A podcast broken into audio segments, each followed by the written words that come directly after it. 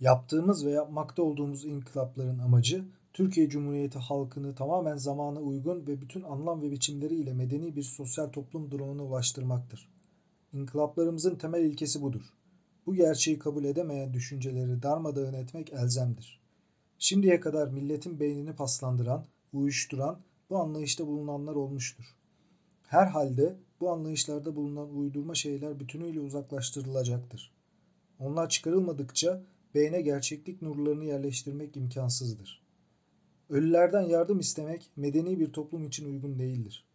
Var olan tarikatların amacı kendilerine bağlı olan kimseleri dünyada ve manevi olan hayatta mutluluk sahibi yapmaktan başka ne olabilir? Bugün ilmin, fennin, bütün kapsamıyla medeniyetin ışığı karşısında filan veya falan şeyhin uyarlamasıyla maddi ve manevi mutluluğu arayacak kadar ilkel insanların Türkiye medeni toplumunda varlığını asla kabul etmiyorum. İyi biliniz ki Türkiye Cumhuriyeti şeyhler, dervişler, müritler, meczuplar memleketi olamaz.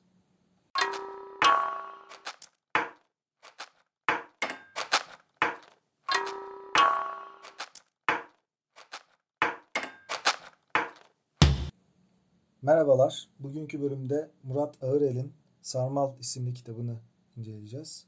Bu kitapta sosyal medyada veya çeşitli yerlerde duymuşsunuzdur. Daha ziyade dernekler ve vakıflar üzerinden bu derneklerin ve vakıfların detayına inerek onların finans kaynakları, kimleri desteklediği, kimlerden destek aldığı üzerine çok detaylı ve biraz da moral bozucu, biraz değil bayağı bir moral bozucu bir kitap. Açıkçası çoğu zaten tahmin ettiğiniz, bildiğiniz şeyler. Ama bu kadar detaylı bir şekilde okuduğunuz zaman hani işin içinden çıkılmaz bir hale geldiğini görüyorsunuz. Şimdi burada kitapta teker teker hangi dernekleri, vakıfları incelemiş, bu dernekleri, vakıfları kimler kurmuş, kimler yönetmiş, kimlerden destek almış. Teker teker bunları anlatmayacağım. Hani bu çok detaylı bir şey olur ve bu bizim konseptimize de uygun olmaz.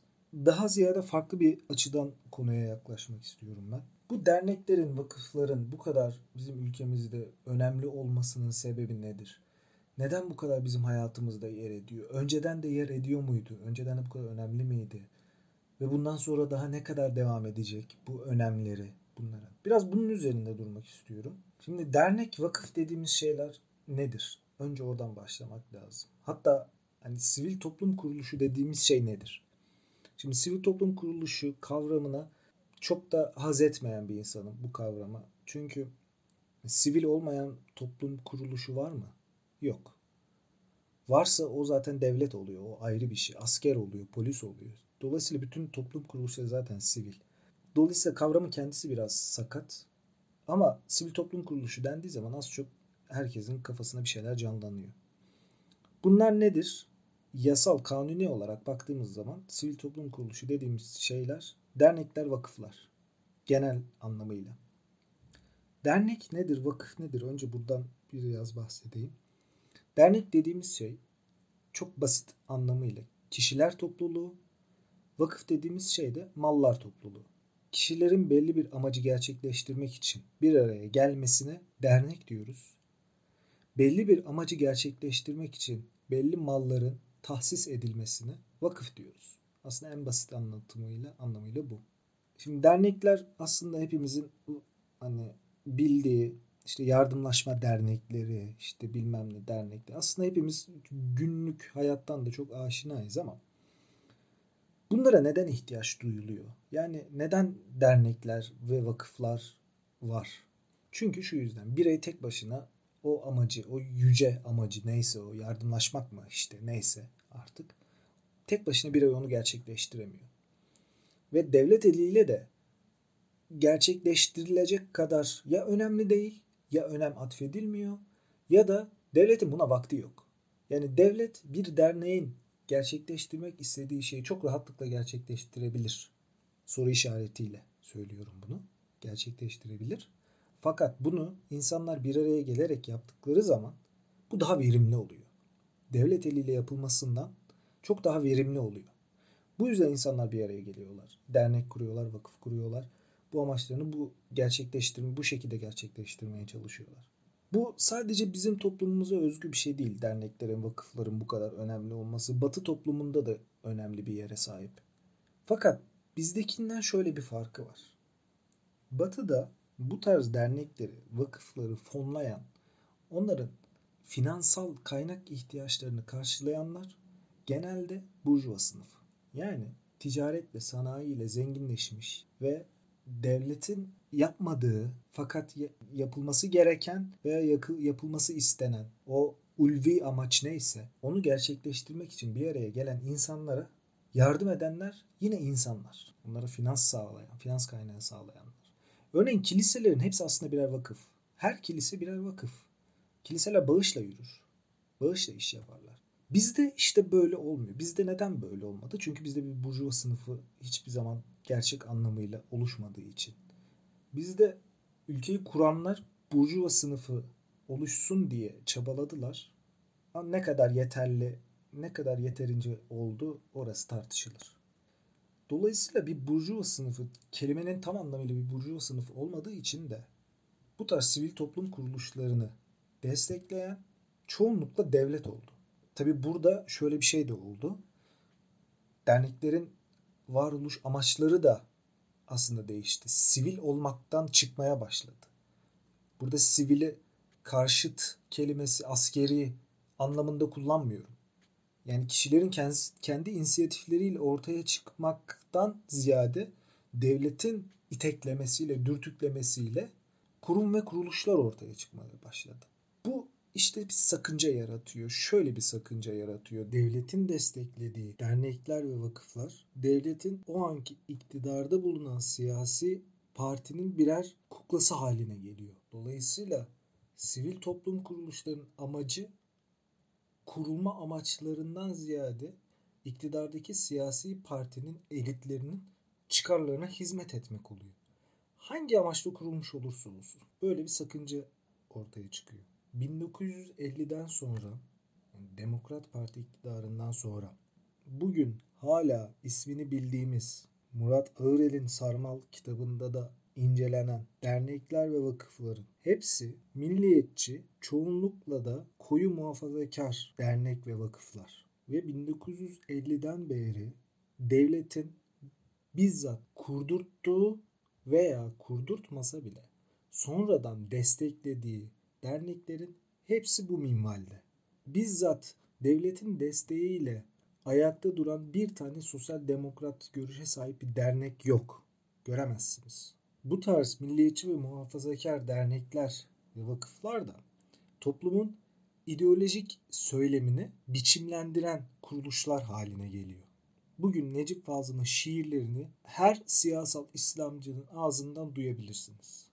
Necip Fazıl şiirlerini bu tarz bir derneğin çıkardığı dergide yazdı, gazetede yazdı. Dolayısıyla bu tarz derneklerin ve vakıfların toplumun düşünme tarzını yönlendirmek gibi çok çok önemli bir misyonu da kendiliğinden oluşuyor.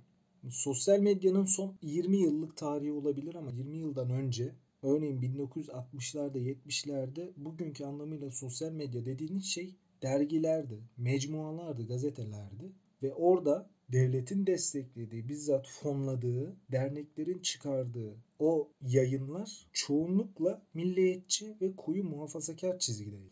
Dolayısıyla 2000 sonrasında neden Adalet ve Kalkınma Partisi gibi bir siyasal İslam ideolojisinin iktidara geldiği sorusu aslında cevap buluyor.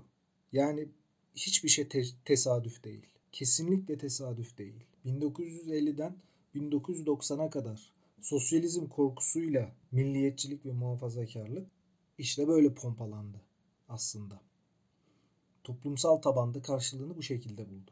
Hele hele bu dernekler milliyetçi pozunu azaltıp da dini öğelerini yoğunlaştırdığı zaman ne kadar yolsuz ve ne kadar illegal olduklarını da kitabı okuduğunuzda anlıyorsunuz. Bugün dini tarikatların en büyük yolsuzlukları ve en büyük kanunsuzlukları yapıyor olması da yine tesadüf değil. Bu aslında bir alışkanlığın devamı. Peki önceden yani 1950'den sonra bu derneklere, vakıflara sosyalizmin işte ülkede yerleşmesini önlemek için bizzat devlet tarafından desteklendiğini söyledik. Yani sebeplerinden biri bu en azından. Peki bugün neden bu dernek ve vakıflar üzerinden bu kadar fazla bir ekonomik, ticari, kültürel ilişki devam ediyor? Çünkü oturmuş bir profesyonellik var. Bu dernekler ve vakıflar üzerinden gerçekleştirilen her şey toplumda öyle bir karşılık buluyor ki, öyle bir samimiyet yaratıyor ki bundan vazgeçmek zaten ayrı bir kayıp.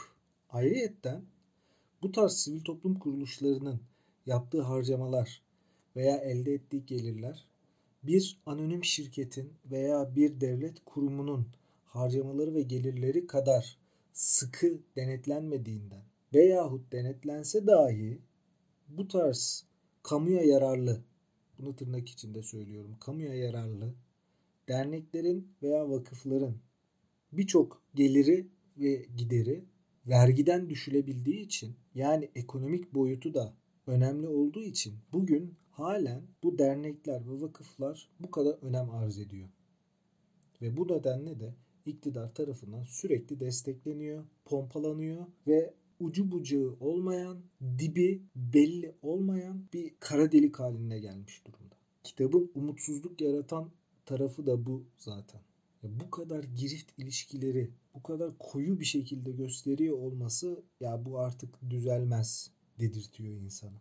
Bugün de bu dernekler hepinizin günlük hayatta duyduğunuz o bilinen dernekler, vakıflar falan hepsi kültürel anlamda o kadar güçlüler ki, o kadar nüfuz alanları geniş ki hangi iktidar başta olursa olsun bu dernek ve vakıf sistemini kullanır. Bu biraz da bizim toplumumuzun yapısıyla alakalı.